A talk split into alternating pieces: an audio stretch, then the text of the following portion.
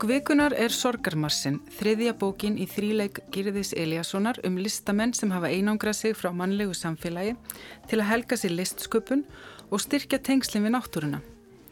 Í fyrri bókum sem eru Sandorbókin frá árinu 2007 og Suðurglögin frá 2012 voru aðalpersonundan listmálari og rítufundur. Í Sorgarmarsinu sem kom út árið 2018 er svo komið á tónlistinni. Kvötin til að semja tónlist hefur hrakið auglýsingateksta smiðin Jónas í sjálfskeipaða einangrun í sumarbústað og östfjörðum.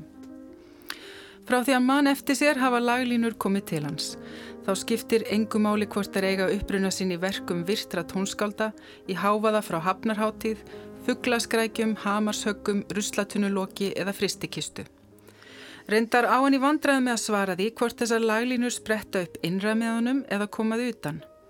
Hann á því erfitt með að líta á sig sem alvöru tónskáld. Hann kalla sig tónsmið, fyllir hverja minniskompun á fætur annari en líkur við fátt, týnir reyndar einni bókinni og telur ólíklegt að verkin sín, ef verkskildi kalla, verði nokkuð tíma leikin nema sem óbyrt tónverk af óskilgreindum eilífðarverum, laungu eftir að allt mannkinn er horfið af jörðinni, eins og hann Margir þræðir liggja á milli bóka þríleiksins en hverjum sig getur þó staði sem sjálfstætt verk. Í þeim er tekist á við samband lífs og listar, hefðar og samtíma, auk þessum kunnuleg þeim úr höfundarverki gerðis eru áfram ábyrrandi, til dæmis samband manns og náttúru, dauðin og hitt dapurlega hlutskipti mannsins og þá fyrst og fremst listamannsins. Gæsti mínir eru Marjana Klara Lútesdóttir, bókmyndafræðingur og leikona og Sverri Norland, rítufundur. Veru velkomin. Takk fyrir það. Uh, Sverrir, er það rétt að þú hefði lesið alla bækur gerðis? Nei, það er lígi. Já, ég hef lesið held ég bara hverja einustu bók eftir mannin. Bæði frimstandur og þýðingar. Merkilegt frá því að segja. Ég held að hans er bara einn farra höfunda sem ég get sagt það um. Hvernig stendur þú því? Ba, ég bara veit það ekki alveg. Hann höfðaði rosalega stert til mín þegar ég var yngri bara bæði sko sem táningur og frá langt fram með tvítut og gerði það náttúrulega alveg enn og svo tók ég minnum í háskóla málstofum hann einhvern mann þá fór ég alltaf rækilegjan í allt. Og hvað ætla þessi orðna marga bækur? 50 bækur og tekur þýðingarna með. Mm. og það sem höfði þessu mér var að hann hefur alveg sinn eigin heim og tón og svona alltaf stílinn og svona. En svo í árana rást þá er samband mitt við hann orðið alltaf floknar og floknara og stundum alltaf svona ergilegt. En við getum komið betur að því kannski eftir Ok, hérna, einhver sagði við mig eh, um daginn að það veri einmitt auðvelt að týna sér í heimi gyrðist eða týnast í heimi gyrðist. Já, það er aldrei þannig. Já. Það er annar höfundur sem ég held mikið upp á sem César Æra er argentískur og einhvern tíma var, einhver, listi einhvern honum sem sko að þetta var eins og þú settir lagalista bara á svona sjöfúl og þú getur rauninni byrjað hvar sem er að lesa og þú ferð alltaf inn í heiminn og þið líður vel með þessari röttu og, og, og, í þessum sögu heimi og gerðir er alveg þannig. Og gerðir er náttúrulega líka alveg bara sérstækur höfundur að því leiti hvernig hann hefur einhvern veginn haldið sko einhverjum tónin nánast alveg frá upp að við, kannski og til og frá fyrstu hljóðabækurnar og líka þroskast og breyst. Uh -huh. þannig að þú eignast hann raunin daldi að vini á sko blaðsíðinni og, og, og, og sérð hvernig hann hefur þróast og finnst þú þekkjand þannig er hann þessum tímabili og svona mm -hmm. ég held að mörgum finnist bara mjög vænt um það svo líka að þú byrjar að lesa hann ungur þá er einhvern veginn kannski venstu sögunum hans og lærir að lesa hann mm. og ég held að það sé mikilvægt að byrja snemma ef þú mynda tilfinningarsamband við einhvern höfund tiltöla ungur þá svona samþykjur hann Já. og er tilbúin að fylgja honum kannski frekar en þau eru orðin eldri þá er þetta kannski geins móttækilur En það er sem sagt orðið flókið samband samt. Já. en heldur að sé margir af þinni kynslu svona höfundum, þinni kynslu sem að eigi svona uh, sambandi þess að bækur þess? Ég hef alveg hýrt af frá mörgum sko mm -hmm. og tekið eftir að margir hafa lesið hann og náttúrulega haft áhrif á marga. Mm -hmm. uh, stundum myndi ég vilja ég, ég skil ekki alveg af, alltaf í setni tíð personuna sko að því mér finnst það stundum ofastar, það er eitthvað of erfitt með sig, það er ofastar í tiltekinni tilfinningu það veist, erfitt með að tala við konur. Af hverju er það svona erfitt? Veist, það er svona ég er, veist, ég held að lýsi bara að ég er ólíkur þessum sögupersonum þú ert ekki að samsama þig nei og það er ágætt. Þannig að þú veist, þetta finnst mér sko að vandi meiri lífsfagnuð sko. En það er einföldun líka. Já, einmitt. Uh, Marjana, Klara, hvað segir þú? Hefur lesið marga bækur eftir gerði? Ég er náttúrulega bara eins og amatör hérna við Liðsverðis og þú getur kallað mig kannski gest í því húsi sem þeir hafa búið í saman áratugum saman. Ég er nefnir svo fáið með tilbúðlega saman. Ég hef lesið nokkra bækur eftir hann og um, hef svo sem kannski aldrei speiklað mig í aðalsögu hetjunum á, á samhátt og, og sverrir þannig að það kannski trubla mig þá ekki eins mikið þessi sem ég þá alveg sammála að þeir eru fastir mm -hmm. og um, sjálfskeipaði fangar í rauninni að því að ma, ma, það er bara það er mm -hmm. alltaf þeir sjálfur sem að hérna, eru það sem að stoppar þá mm -hmm. frekar heldur en umhverfið og ef við tölum um þessa bók sérstaklega þá, þá finnst manni svolítið eins og eins og Jónas aðalsögu heitjan sé svolítið uh, búin að gefast upp á öllu og og eitthvað neginn mm -hmm. hann reynir ekki sjálfur að hafa áhrif á neyn mm -hmm. af þeim örlögum sem er að ganga fram og hann segir bara, hún, konun hans er búin að finna annan, það er ekkert sem hann getur gert í því. Auglýsingastofan er örgulega búin að reka hann eftir síðasta postin, það er ekkert sem hann getur gert í því. Nei, það er nú næstu eins og hann vilji það. Ég, ég menna að það er bara eins og hann uh, líti á sjálfansi sem viljalust verkværi, þannig að mm -hmm. hann, hann líti þá að leita að rótinni hjá honum sjálfum Það, er enda mjög algengt um svona Karlkins söguheltur í sittni tíma bókmyndum skáldsögum að þeir eru alltaf svona regöld sem bara svona fylgjast með og eru geta valla stíð sko, skref í átta nokkur ákvörðum. Það er algjörlega rétt fyrr. Og Haruki Murakami og það er annar rosastórt dæmi og, og en, veit, oft er það heppilegur aðalkarakter í sögum sérstaklega þeir eru í fyrstu personin fyrir sögumenn sko að þá, þá, þá fylgjastu með því sem gerist í kringu þá. Já, já. En En, en eins, og, eins og fyrir mig sko ég fæ kraft úr því að, að ferðast og lendi upplifunum og gera hluti en mér finnst eins og þeir drægi sig alltaf frá því mm -hmm. en þar er hjá gerði einhver ótrúlega frjór það er ótrúlega frjó uppspretta fyrir hann mm -hmm. Mm -hmm. sem er mjög áhugavert En svo finnst manni líka ekki eins og hann sé endilega ánæður með eða sem sagt að hann sé að setja eitthvað svona samþykkistimpil á Nei. að sögupersonan gerir þetta Fjár, mér finnst jafnvel eins og hann hafi eða maður mað finnur fjarlæðina á þetta og mað, mað, það meirist að því nú hef ég ekki lesið allt eftir en mér finnst svona ákveðin húmor í bókinni um leið og hún er ákaflega daburleg á, á köflum mm -hmm. og hann verður eiginlega meira svona sko, hann daðra meira við fyndni í sittnibókunum sinni, sérstaklega í nýjastu bókunum og eins og þú varst að segja, það er hérna bara að segja 23 þá segir sögumæður, þetta er kannski ekki fullkomi líf en það dögar í beili þetta summerar rosalega vel upp Einmitt, og svo er náttúrulega afskaplega dabilega stemmingu svona innanmiðli koma næstu bara fimmurabrandarar eða svona okkur brandarar Já. og línur sem að hérna Bæði brandarar sem að hann er sjálfur að segja í einveru sinni sem mm -hmm. að mhm. manni finnst einhvern veginn svona næstu í tragikómiskir mm -hmm. en líka einhvern veginn í aðstæðanum veist, það, það verður eins og döði kauðfélagsstjórans verður næstu í komískur mm -hmm. í og jarðaförinn hans. Ég var að klukka aftur í bókinu hérna daginn og hérna og þá er ég að lesa aftur. Presturinn fyrir að gera ægilega mikið gaman í líkræðinni eins og maður hefur nú stundum hert og af svona misvel við. Og svo fyrir hann að tala þísku og mhm. gerðir, gerðir, eh, nei, gerðir Jónas, afsaki eh, Jónas skilur ekkert í því og velti fyrir sér akkur í óskupanum að sé að tala þísku og kistan er skærgul og hún feist það mjög óviðægandi en veldur einmitt fyrir sig kannski er þetta eitthvað sem týðkast hérna á Ístfjörðum mm -hmm. það er alls konar svona, svona absúlt komísk atriði sem mann svona Þetta er svona tragikomiska sögur. Þetta eru tragikomiska sögur Þetta eru gaman sögur. Þannig er náttúrulega mjög mikla tengingar á milli þessara þryggjabóka mm -hmm. sem ég nefndi, þarna Sandorbókin, Stuðuglugin og Sorgamastin, þetta er einni á viðum þar allar. Mm -hmm. Uh, Sverri, þú hefur lesið alla bækunar mm -hmm. finnst, svona, finnst þér mikilvægt að lesa alla bækunar eða er tengingin á milli eða kannski ekki mikilvæg? Mm, ég veit ekki, svona önnur skaldsaði eftir hann líka sem heitir Hótelsumar og fjallar, hún fjallar um mann sem dvelst á hóteli yfir sumar Lýsandi titill og mér minni nú að svo sögupersona, ég maður ekki alveg alltaf sem ég las þá bók, sé líka rittuvendur og mm -hmm. mér finnst þess að það mætti alveg slá þeirri bók saman með þessum sko Já. Þannig að jú, það má, en það má stilla þessum þrejum bókum upp saman. Í fyrstu bókin er, er aðalpersonum málari, í annar er það rittuðundur og þeirri nýjastu er, er aðalpersonum tónskáld og þeir hafa allir snúið einhvern veginn bæki við lífunu. Rittuðundur er nú eiginlega kannski bara dauður þannig að hann er bókstælega búin að snúa bæki við lífunu í Sandarbókinni þá fær listmálarinn nú mjög tragísk eh, örlög út í lokin og svo í þessari þá veit maður ekki alveg hvernig það fyrir þessari. endurinn er mjög opinn. Hann er mjög opinn, hann kallast kannski á í fyrstu bókina að því leiti til. Ég veit ekki alveg en það er einmitt áhugavert að því að hann er tónsmiður eða tónskald, hvað sem að, hann kýst nú að kalla sig. Mm -hmm. en, en hann er samt skrifar texta og bókinu kannski um í rauninni mm -hmm. að einu leiti hérna hvernig hann er að fara frá orðunum mm -hmm. og bara svona alveg yfir í, í hljóðin. Hann Já. hættir að geta búið til auðlýsingatekstana sem hann nota sér til lífsviðiværis mm.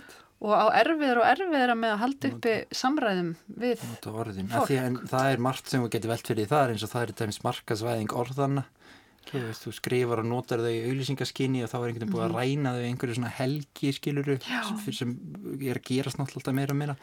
Svo er annað sem ég finnst skemmtilegt að velta fyrir sig líka með þessa bækur er að þeir fara út fyrir borginar og fara út í sveit og einangra sig. Og eitthvað svona eitt sem ég finnst vera við stefnum alltaf meira og meira hvernig svona tækni og afþreying er að leysa kultúr og listsköpuna holmi sem mhm. miðlagt afl í samfélaginu sem er náttúrulega bara búið að gerast í raunni ef við getum strista móti. Og þar með eru þessir menn algjörlega orðnir á jæðrinum sko. Og það er eitthvað svona þema sem gerðir er alltaf að fást við held ég. Hvernig tæknin í dag er miðlagast að aflið í samtímanum ekki lífsköpunin og þess vegna verða þessir menn sem eru listamenn bara get ekki fá ekki að því gert sko. Þeir, þetta er hlutskipt þegar það verður svona dablegt að þeir skilur þá ekki. Og það er nú, nú fleiri en tónsmiðurinn sem að er að gefast upp það er hérna listmálarinn sem að er fann að rækta gullrættir og græmiti Já, það er innlík í dag sko. Já, meira kannski heldur en málaralistin Já En það er þá eftir einhvern veginn um leið komist, um leið það er tragist. Hann, hún tekst mjög Já. vel að halda á þessu. Og svo er þetta allt miðaldri kallmenn. Já. það er annar flötur líka.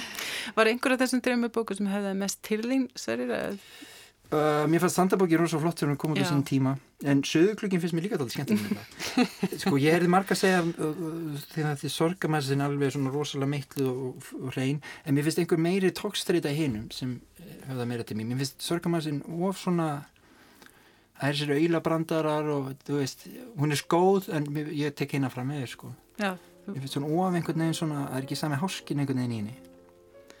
Sandabókin er, er algjörð listaverk sko. Já, með mitt um, En svona bækur sem snúast um tónlist það er ekki annað hægt en að verða forvitin um þau verk sem eru nefnd. Mm -hmm. þar að segja að maður þekki þau ekki fyrir.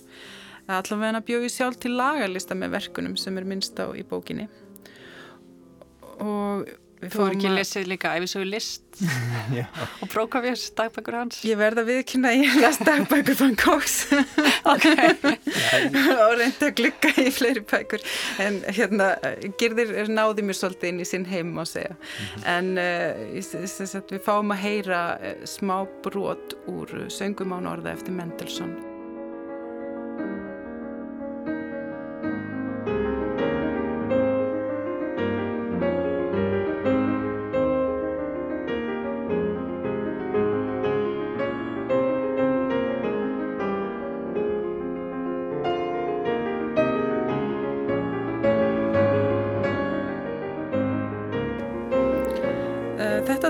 er eitt af þeim sem er nefnt í bókinu og þau eru nú fjöldamörg hann uh, tónsmiðurinn er að hlusta á tónlist og tala um tónskald og, og uh, hvað með ykkur, eru þið inn í tónlist og þekkið eitthvað verkin eða, eða fólki sem er verið að tala um í, í þessari bók? Já, ég þekkti allavega, jú, ég þekkti nú megnaði, mér hann kannski ekki hlustað á það alla en uh, Messian sem hefur unnið svo mikið með fugglarljóðin, hann þekkti ég maður minn sem er tónlistamæður, hafi kynnt mér fyrir honum þannig að mér fannst nú gaman að sjá hann þarna. Mm -hmm og um, en það er alveg satt hann uh, kannski líka því að hann uh, hann tjáir sér svo lítið um svo margt en hann verður svo inspirerandi og inspireraður og, og sprúðlandi þegar hann er að tala um tónlist og velta fyrir sér tónlist bæði þegar hann er að tala um önnu tónskald og hvernig þeir hafa að lifa lífinu mm -hmm. en líka bara þegar hann er að tala um hvernig áhrif tónlistin hefur á hann þannig að maður kennst ekki hjá því að hrífast með og, mm. og ég veit ekki nefnilega, ég spilaði eitthvað með Messian þegar að lestur á bókinu stóð sem hæst og mér langaði svolítið til að lesa líka æfisu list af því að Já, hún verðist það að vera mjög hræsandi. Einmitt, maður fær svona áhuga á uh, sömu tónsköldum í rauninni. Með þig, Sörir? Eh, ég kannast nú flest nöfnin, ég settist ekki gaggjert niður í því skinn að hlusta á alla tónlistina en ég hef reynda að lesa Van Gogh og bríðast til Theo. Ég mæn ekki hvort það var Girður sem komur að bræða með það og það var í Sandórbókinni já, það er í Sandórbókinni og það er mjög skemmtilegt, en Girður, hann sækir náttúrulega mjög mikið í bara líf og, og hugmyndir sko, annara rítuðund og listamanna sem ég finnst alltaf skemmtilegt. En, en, en einhvernar orðina þessari bók er reynda reyla alveg fullkomin á sorgamassinum eftir Jules Renard það sem hann segir, mér langar til að eira mitt síðan svo kuðungur sem geymir í sér öll hljóð náttúrunar og þarna Jónas aðalpersona fer út úr borginu og er einmitt að reyna að opna eira fyrir öllum hljóðunum sem við heyrum kannski ekki dagstælega, sko með heyrndólu inn í bílum og inn í stúdjóum og, og, mm. og, út af það gengur náttúrulega líka held ég alltaf þessi saga uh, sem fjallar svo mikið um hljóðin í náttúrum, ég finnst það mjög áhugavert. Mm -hmm. að, að sko oft þegar maður skrifar við, við lýsum því sem við sjáum og heyrum en við höfum fimm skinnfæri góðu texti verður að nota þau öll eða höfða til þeirra allra og hann fer aðna út og, og, og er að sækja innblástur í frum uppspyrrættu ímyndunarallins sem er náttúran og á náttúrunar búum við aldrei held í til góðu listaverk sko. En mér finnst líka áhugavert hvernig hann færi sér svolítið frá að því að hann í upphæfi bókar þá finnst honum stuldur að nota frá náttúrunni þá sé hann að stela eins og hann hefur mm. allæfi sagað messi hann um að gera mm -hmm. að það sé höfundaréttur bókstælega á fullurssöngum Já, en, og, og þá notar hann bara hljóðin úr hræðsögu kallinum og mm -hmm. meirins að evast aðeins þar að því það er jú vatn Já, í hræðsögu kallinum sem er lifandi en svo eftir því sem hann dvelur þarna lengur þá verður náttúran, eins og þú segir meiri og meiri hluti af mhm. innblástrunum sem hann fær og undir lokin þá er þetta aðalega bara hljóði steinum, hljóði, hljóði krasi, hljóði vindi, hljóði, hljóði fugglum, hljóði bara öll. Það er engin hugverkaréttindi þar. Nei. Það var hann komin út úr stillingunni. Já. Ég myndi eins og segir, þannig er svona vorulega nextlaður á þarna messiana að hafa stóli tónlist fuggla, mhm, fugglana mm -hmm. en svo segir hann það er öðruvísi með suði skortýrum en fugglasöng ég tel mig meg að nota flugnasöng. Þannig að hann svona setur eitthvað stegveldi þarna upp og svo einmitt með hittakittilinn þá segir hann það er allt í lægi en þá fyrir hann að hugsa það er vatni lifandi Já. og svo þetta ákverðin náttúrulega endanum að hérna, til fjandans með höfundarétt fugglana því þá langar hann bara að nota mm. mávagarg og annað þannig að þetta er uh, svolítið skemmtilegt hvernig hann svona einmitt allt í kringum hann mm -hmm. fristikista, allt það er mm -hmm. allt sem að, hérna, hefur eitthvað fram að færa og hann -hmm. er mhm. einhvern veginn opinn fyrir því öllu eða mhm. næmur En hann tekur mjög skýrt fram að, að og þess vegna finnst hann kannski ekki eiga skilið uh, starfsætið eða sem sagt bara nafnið tónskáld, af því honum finnst hann ekki skálda þetta upp, þetta komi allt saman utanfrá, mm -hmm. mhm. ekki sjálfsbrottið mm -hmm. en svo áttur hann sem leiða á því að það þarf að breyta hljóðunum í tónlist þau eru ekki tónlist mm -hmm. í sjálfu sér það þarf að vinna með þau mhm. þannig að þá er eins og hann taki hérna, skaldagafuna tónskáldagafuna aðeins í, í sátt Já, mitt, uh, aðeins að tala meira um þetta hérna, döpru listamennina. Uh, í öllum þessum trefum bókum þá hérna, er, er það svona daburleiki sem svífur yfir völdinu myndi ég að segja og uh, þetta hlutskipti listamannsins, hann gerðir, hann rætti þetta aðeins í viðtali við Guðina Tómasson í Víðsjá á sínum tíma. Og já, mér er alltaf fundist þetta bara mjög forvitinlegt viðhómsefni. Hvað fær menn til þess að fara að skapa, breyðast í veröldinni með því að búa eitthvað til sjálfur. Hvaða öll það eru innræðum manninum sem að verða til þess að hann fer út í þetta eða leiðist út á þessa bröð, mann hann að segja. Því að þetta er ekki að auðveldast sem hann gera og eins og kannski kemur nú fram í bókinu, þetta er ekki heldur það sem að skila mönnum áfram í veröldinni endilega en samt gera mönnum þetta. Mm mér finnst það bara einhvern veginn áhuga að verða öll svo stúdíu og öll, allir þeirri sálfræðilegu þættir sem koma við sögu í því að mynda þetta þetta fyrirbæri þessar manniski sem kölluði listamæður ég held að fara engin inn í listir sem er í andlegu jafnbæði þetta tengist eitthvað því að það vantar eitthvað að þú ert að reyna að leita einhverju sem að veitir lífsfyllingu eða, eða þér finnst þið vanta dýpri sínin í tilveruna svo, já. Það lýsa listamannunum, það er stórst verkefni eins og Girður Eli og sem segir hér. Uh, Marjana Klara og Sverrir, hvað hva vist ykkur um þessa mynd sem er dregin upp að listamannum í uh, sorgarmassinum?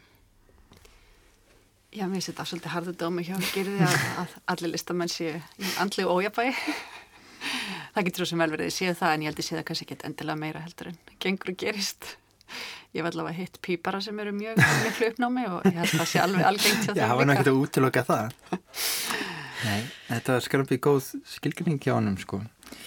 um, Hver var aftur spurningi? Ég, ég var að spája hvernig ykkur finnist listamennin sem byrtast í bókinni Já, að, sko, mér finnst það sem ég var að reyna að segja upp að vera, mér finnst þetta bara að vera ein tegund af listamanni sko þessi sem er svona inn í sig og hlétrægur að því að þú veist það eru svo marga tegundi til listamönnum og rittöfundum til listamönnum sem er alveg útdópnu einastundina skiluru og svo mm. allt inn, inn í sig en listamennir hans er alltaf svona til liðar mm. Allavega á þessum tímapunkt í lífisinu sem hann er að fjalla Já, þegar hann fjallar mm. enná sko þannig að, en, en svo finnst mér deburinn uppurvandi og neikvænin oft mjög svona skapandi Já, hún er náttúrulega ákveðið and spyrna gegn svona mm -hmm. öllum æsingnum í, í þjófélaginu þannig að mm -hmm. því leiti verður hún kannski jákvæð. Ég veit á neikvæðinu gerist ekki, það verður enga framfærir að breytingar ef allir eru bara hressir og ánæði með allt. Þannig að þú veist, og, og líka í, í tilveiki þessara listamanna Sandabókinu listmálarinn sem lifir í heimi þar sem að allt er á þessu myndrænt að óljumálverki eða hvað það er er algjörlega fæst út af jæðurinn auðvitað er hann frustreraður og perraður við því en maður mhm. skilur hann. Rítöfundurinn sem er alltaf fastur í einhverju fortíð og er raunar dauður auðvitað er hann dapur.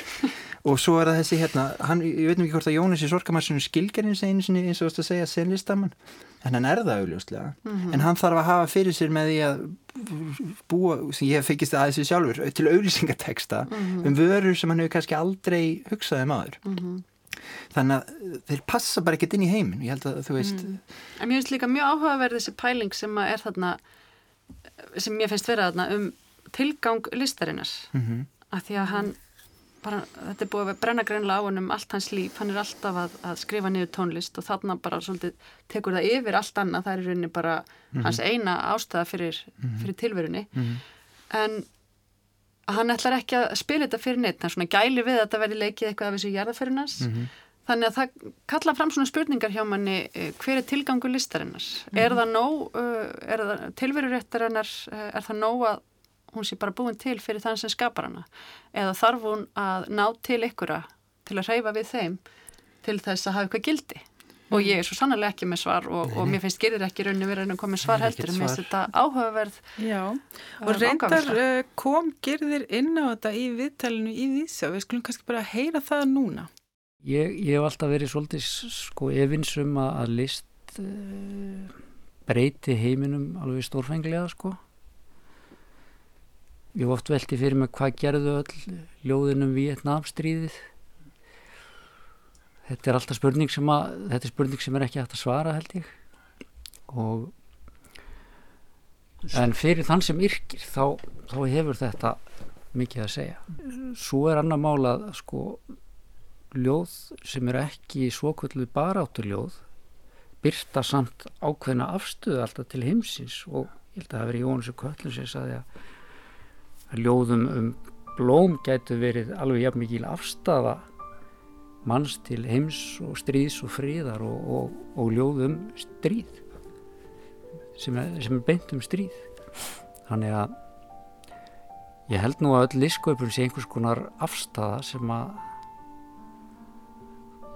tekur sér í raun og veru stöðu með lífinu gegn dauða og, og styrjöldu óg Marjana Klara, þú varst að spá í einmitt fyrir hvernig eru þeir að skrifa og gerir þér hann verið svona tregur til að gera ráð fyrir að skáldskapur hafi mikil áhrif á aðra en þá sem skrifa beinleis. Svona kannski... Er þetta ekki bara hóvarð? nei, ég segi svona, nei, mér fannst hann samt með þessum loka orðum vera svolítið komin á, á uh, ósamála sjálfum sér í upphafi af því að þetta list hefur áhrif og hún skiptir máli. Mm. Og... Svo, svo er líka spurning hversu stort sjónur eða hversu hátvis spennum bógan í, þegar við svörum svona spurninga því að listin, eða listsköpun er náttúrulega aðtegli, það sem við sínum aðtegli, þetta er við stilling. Þannig að það sem býr til listaverk hann er að sína veröldinni einhverja mikla aðtegli þannig að það er hvernig aðrir taka við bók, bókinniðinni til dæmis eða einhverju tómverki eða þú veist sem mjög dreifist á netinu það er bara algjörlega óskild þetta er svona veraháttur þannig að mér finnst sko þessu spurning sko um, eru þeir listamenni þeir eru bara einir að fást við þetta og það er enginn sem fara að njóta þess og þeir hafa engan fjárhagslegan ávinning af því? Mm -hmm.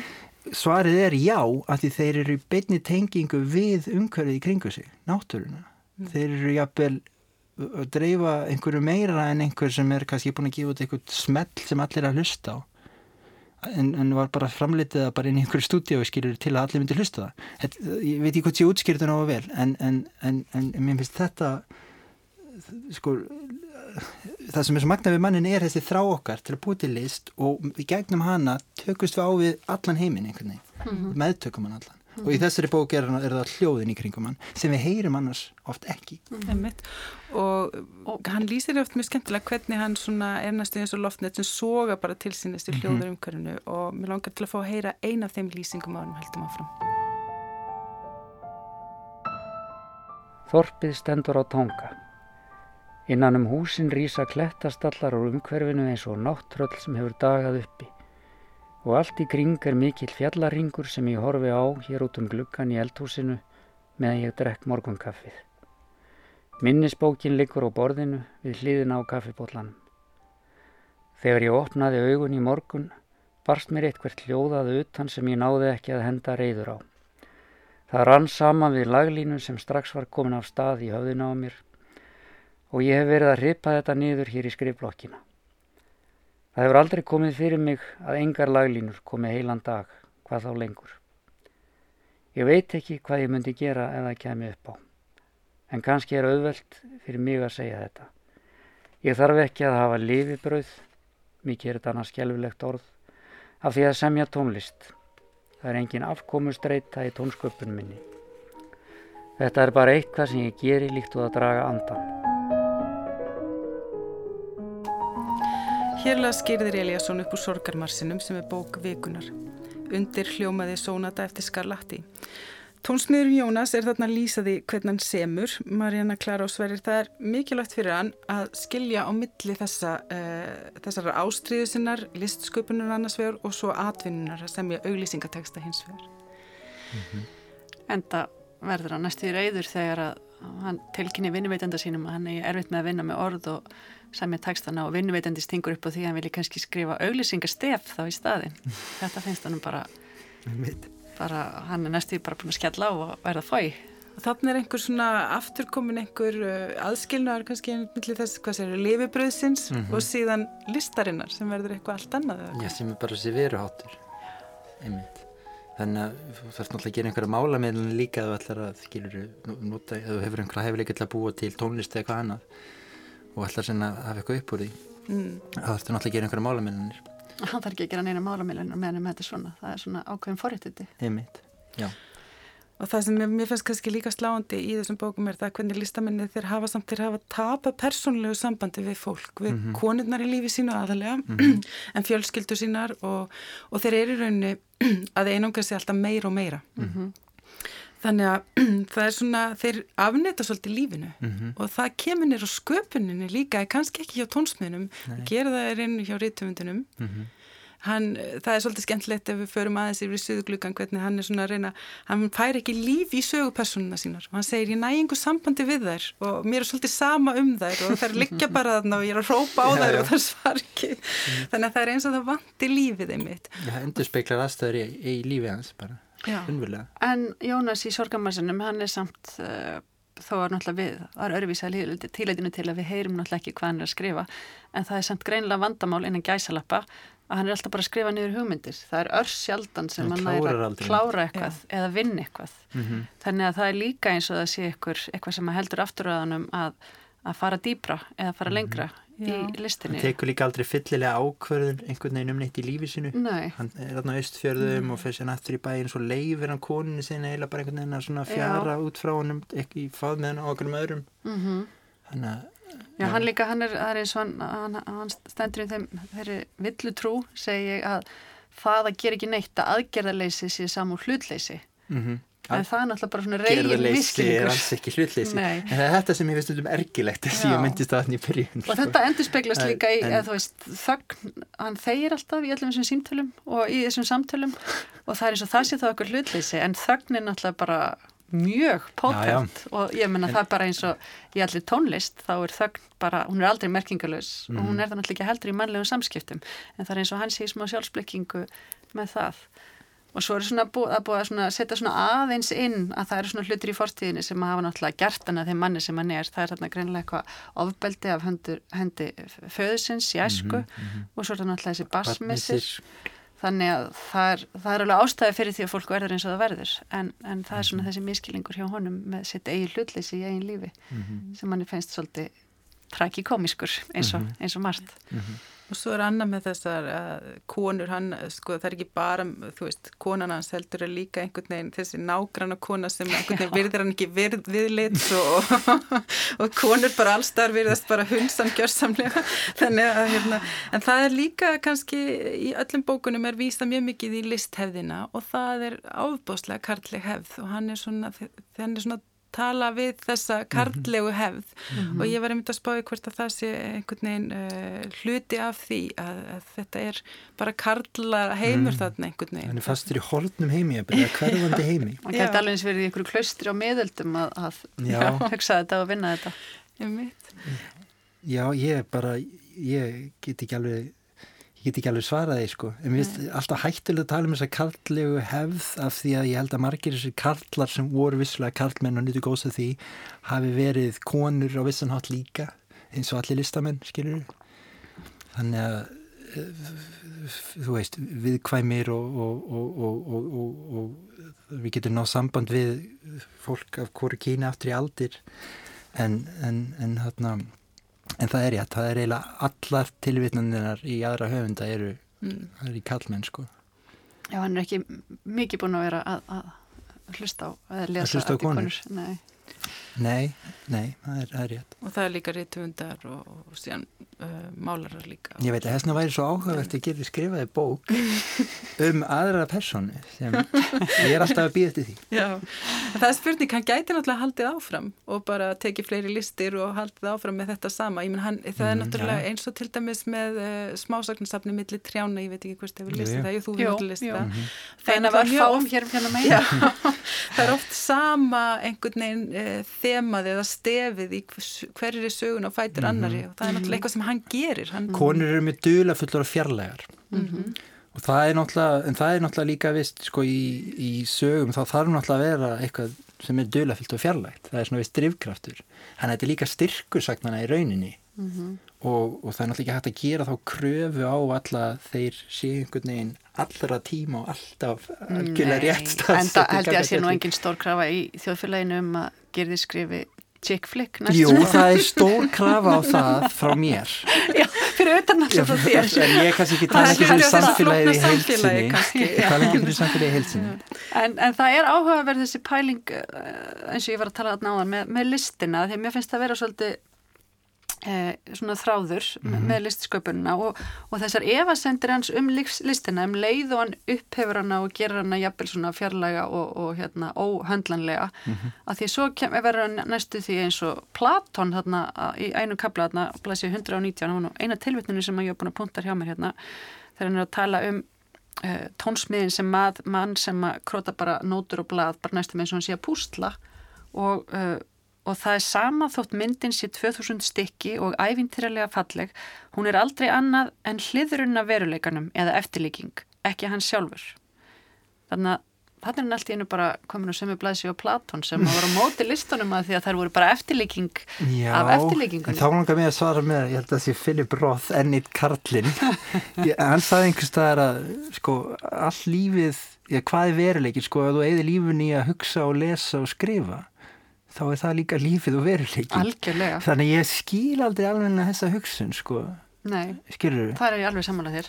en, en já Þetta er eins og þegar fólk segir að maður, maður veit ekki hver eh, hérna raunveruleikin sé að því maður lifir svo venduð lífi, maður veit ekki hvað er að gerast í undirheimum Reykjavíkur mm -hmm. og nú er ég svo sannlega ekki að afnýta því sem gerist í undirheimum Reykjavíkur en ég lifi ekkit í einhverjum tvívíðum tilbúnum heimi þó að ég sé ekki í undirheimum Reykjavíkur. Mm -hmm. Minn veruleiki er alveg ja, gildur veruleiki, svo lengi sem að ég held ekki hans er eini veruleikin.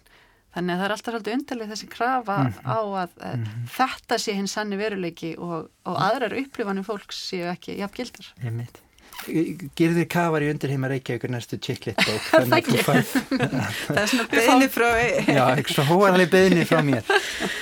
En já, við höfum svolítið talað um mitt, uh, þú hefur talað svolítið um þess verið þetta með sambandans við náttúrun og það er nú mm -hmm. kannski eitt af því fyrir utan kannski hlutskipti listamannsins og hérna þá er það kannski svona aðal uh, þema, myndi ég segja bókarinn, það er uh, mm -hmm. þetta með náttúruna og sambandi mm -hmm. við náttúruna, samband listamannsins við náttúruna náttúrulega, en kannski okkar allra og það er náttúrulega svolítið skemmtilegt hann er með sérstætt samband þarna við einhvern klett á bakvið sumabústæðin sem er svona andar til hans laglínum Akkurat Já, í því samvikið líka, þetta höfstu sko, þessi, bara í bókmyndum, eldri bókmyndum þá var alltaf verið að fjalla í fyrsta lagi um Guð, öðru lagi um náttúruna og þriða lagi um mannin, glímuna. Svo dó Guð, nú er náttúrun eiginlega bara á sístu metrunum og það er eiginlega ekkert eftir nema maðurinn. Sko, við erum alltaf að hugsa um mannin og að skrifa allar sálfræðilega skáldsögur og velta okkur upp á okkur sjálfum.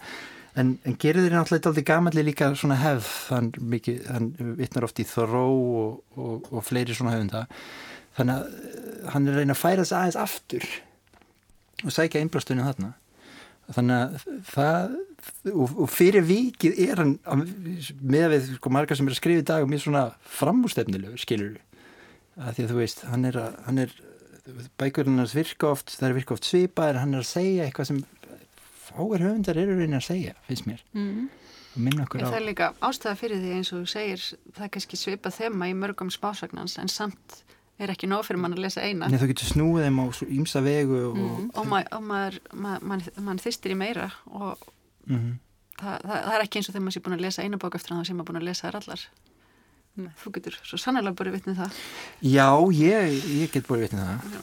en hann, ég, já Einmitt, uh, við heyrðum minna hérna áðan þegar Girður var að tala um uh, hérna hvernig baráturljóð til dæmis byrta ákveðina uh, kannski, já, ljóðum blóm byrta kannski ákveðina afstöðu til heimsins getur verið baráturljóðu sjálfu sér og svo mhm. framvegis.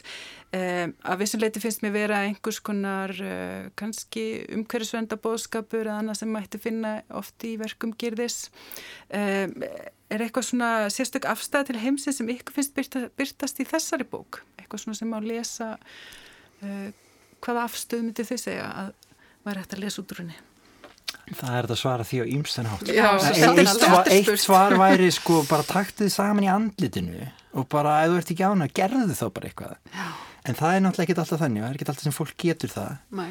annað er sko, við erum það sem við sínum aðteklinn sem ég var að segja á hann og hann er að sko, skoða aðra fleti náttúrunar eða á, hei, á heiminum sem við fáum ekki alltaf að veitum ekki nómið aðtekli þegar við erum inn í borgunum í daglegu líf okkar glímu við þessu tilviki einhverja eiginkonu og einhvern vinnuveitenda og eitthvað mm -hmm. þannig að Kannski er þetta svona sorglegt ákallum að hvort að maður þurfi í raun og veru að einangra sig í sumabústað á Östurlandi til þess að fara að heyra aftur raunveruleg hljóð úr náttúrunni sem að veri þá sorgleg niðurstaða En, eh, en varandi það sem maður var að segja þann líka með þarna, um, afstöðu til lífsins, um, þetta er þá kannski eitthvað, uh, það sem hann er að skrifa niður, það er þá hans afstæða til lífsins, þessi, þessi hann Jónas. Mm -hmm. Þannig að afstæða hans til lífsins er þá einhver þrá eftir um, einhverju, einhverju fingerðu, einhverju, einhverju fallegu, einhverju, einhverju sprotnu, einhverju organísku úr náttúrunni sem mótsvar við þá hans fyrir mm. lífi þó hann hafi ekki kannski burði til að fara með það alla leið og umbreyta lífi sínu, hann svona bara í staðinn þá bara saminast hann en einhvern veginn náttúrunum manni finnst hann sé bara að fara að bera beinin hann og hann er svona að fylgja sinni innri kvöt náttúrulega því þetta var alltaf verið hans kvöt einhvern veginn. Já að gera þetta. En hann þorir ekki að ganga stuði í gagvart öðrum kannski. Nei. þannig að hann þarf að gera það í felum en svo er það náttúrulega þessi tragiska mótsögn í öllum þessum bókum að til þess að geta verið listamæður áttur náttúrulega að lifa lífinu. En til þess að geta fengið frið til að vera listamæður þá ertu svona á baki við lífni Já.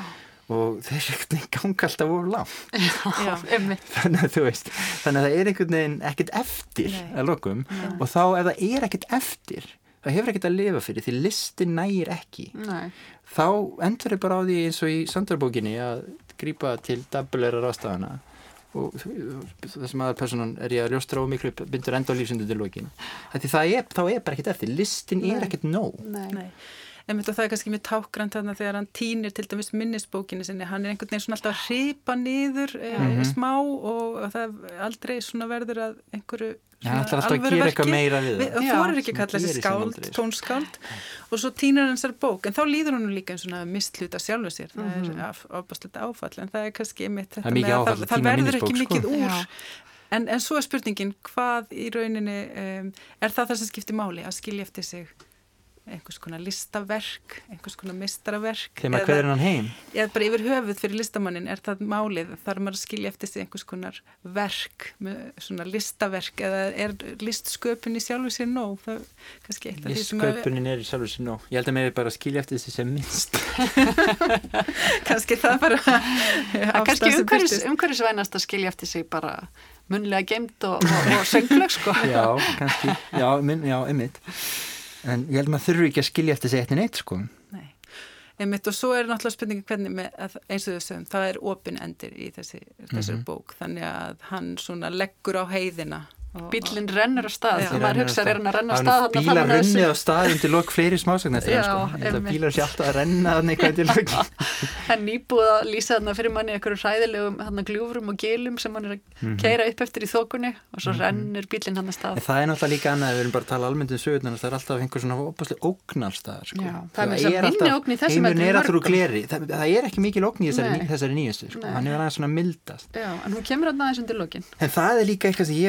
það er ógn í heiminum, það er líka svo mikið gleði og örfun og einhverju svona skilur, þú veist góðum mat og skemmtileg fólki og góðum bröndurum og bara ferðalögum og, og víni og hverju sem er, þú veist, hljóðfærum. Þannig að það er einhvern veginn svona Hann er ekki mikill matgæðingur en Jónas, hann er ánað með gulletinnar og hugsa sér gott, einfalt, sko. gott í glóðarinnar að borða gulletinnar fram eftir fetri. Sötur alltaf eitthvað svona einfalt, gamaldags kaffi.